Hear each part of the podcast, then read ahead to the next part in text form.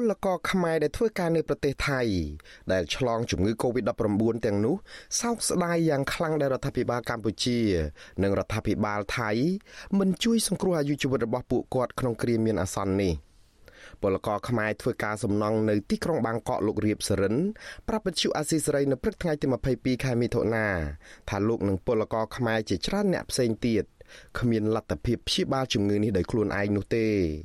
ពលករវ័យ36ឆ្នាំរូបនេះព្រួយបារម្ភខ្លាចស្ថានភាពជំងឺរបស់ខ្លួនកាន់តែធ្ងន់ធ្ងរ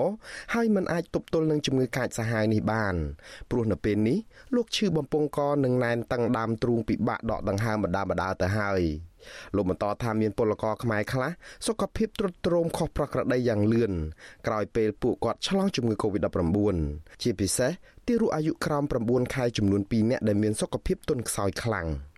កូនខ្ចីកូនងាយយំល្ងាល្ងាក្តៅសុំគេគេមកឲ្យទៅបង និយាយថាពេទ្យគេអត់មានក្រេដេកបងសតបងវាអារម្មណ៍ថាគេមិនសូវគិតគួររឿងខ្មែរយើងណាបងគេទុកឲ្យយើងហីហីអញ្ចឹងទៅជាបាលខ្លួនឯងតាមដំណើរទៅបើរស់រស់ទៅងាប់ងាប់ទៅទេចឹងព្រួយគេនឹងគឺក្មួយខ្ញុំនៅឯងយុគ5ខែហ្នឹងហើយកូនគាត់មួយទៀតនោះប្រហែលជា2ខែជាណាបងហើយម៉ែវាហ្នឹងវាកម្លាំងនឹងឲ្យឲ្យកូនអឹមទេនឹងថាសុំសំណពរឲ្យតែបើមិនយកខ្ញុំទៅក៏អត់ទេយកតែកូនក្មេងជួយជួយណាបងយកគ្នាទៅមើលសិនទៅអយកចេញទៅផុតផុតទៅលោកអើយយកមកដាក់អញ្ចឹង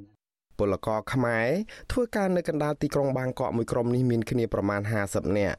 ពួកគាត់បានឆ្លងជំងឺ Covid-19 ជាងមួយសប្តាហ៍មកហើយគឺពុំមានអាជ្ញាធរណា បញ្ជូនខ្លួនពួកគាត់ទៅមន្ទីរពេទ្យដើម្បីព្យាបាលនៅឡើយទេបន្ថែមពីនេះពួកគាត់ត្រូវបានថកែថៃបង្ខាំងឲ្យនៅមួយកន្លែង នៅក្នុងតង់សម្ពុតកៅស៊ូនៅកន្លែងធ្វើការដោយផ្ដល់ស្បៀងអាហារបន្តិចបន្តួចសម្រាប់ហូបចុកតែប៉ុណ្ណោះ។ ជាមួយគ្នានេះកាលពីថ្ងៃទី19ខែមិថុនាមានពលករខ្មែរម្នាក់ឈ្មោះសឿងសោតអាយុ45ឆ្នាំបានដេកស្លាប់នៅក្នុងបន្ទប់ម្នាក់ឯងនៅទីក្រុងបាងកកអាញាធរថៃបានបញ្ជូនសពពលកររូបនេះទៅធ្វើកសលវិច័យរកឃើញឆ្លងជំងឺ Covid-19 បច្ចុប្បន្នសពរបស់ពលកររូបនេះត្រូវបានអាជ្ញាធរថៃបូជារួចទៅហើយស្របពេលដែលប្រពន្ធរបស់សពកំពុងតែសម្រាកព្យាបាលជំងឺ Covid-19 នៅឡើយ។ វិទ្យុអាស៊ីសេរីមិនអាចតាក់ទងមន្ត្រីស្ថានទូតខ្មែរប្រចាំនៅប្រទេសថៃនិងអ្នកនាំពាក្យក្រសួងការងារលោកហេងសួរដើម្បីសុំការបំភ្លឺជំវិញក្តីកង្វល់របស់ពលករខ្មែរទាំងនេះបានទេ នៅថ្ងៃទី21និងថ្ងៃទី22ខែមិថុនាដោយទូរស័ព្ទចូលជាច្រើនដងពុំមានអ្នកទទួល។ ក៏ប៉ុន្តែមន្ត្រីស្ថានទូតខ្មែរធ្លាប់បានប្រាប់ពលករទាំងនោះថាស្ថានទូតគ្មានលទ្ធភាពជួយពួកគាត់នៅក្នុងគ្រាអាសន្ននេះបានទេ បន្ថែមពីនេះមន្ត្រីស្ថានទូតថាតកែជនជាតិថៃបានផ្ដល់ស្បៀងអាហារនិងកន្លែងស្នាក់នៅ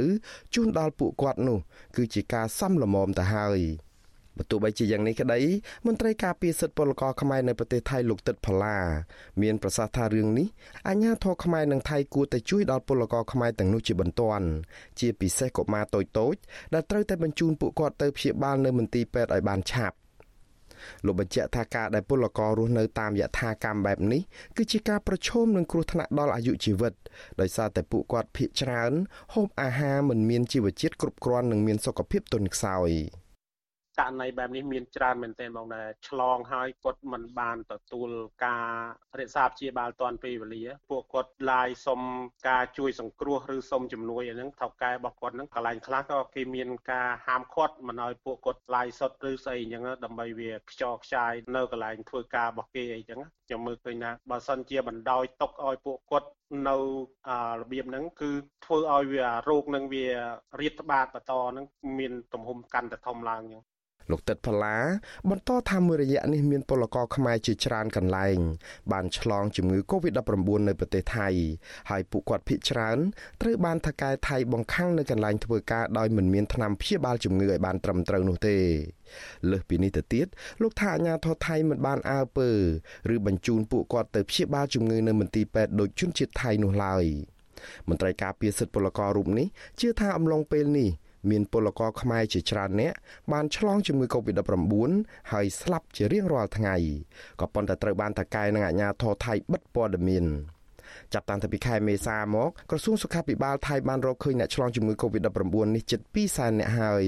អ្នកស្លាប់កើនឡើងដល់ជាង1500អ្នកហើយដែរគិតមកត្រឹមថ្ងៃទី22ខែមិថុនា នៅថ្ងៃទី22ខែមិថុនានេះដែរក្រសួងសុខាភិបាលថៃបានរកឃើញអ្នកឆ្លងជំងឺ Covid-19 ជាង4000នាក់និងអ្នកស្លាប់ចំនួន35នាក់របាយការណ៍របស់អង្គការសង្ត្រាល់ឲ្យដឹងថាបច្ចុប្បន្នពលករខ្មែរធ្វើការទាំងស្របច្បាប់និងមិនស្របច្បាប់នៅប្រទេសថៃ មានជិត2លាននាក់ខ្ញុំបាទមុងណារ៉េត With you Azizi Saray ប្រធានាធិបតី Washington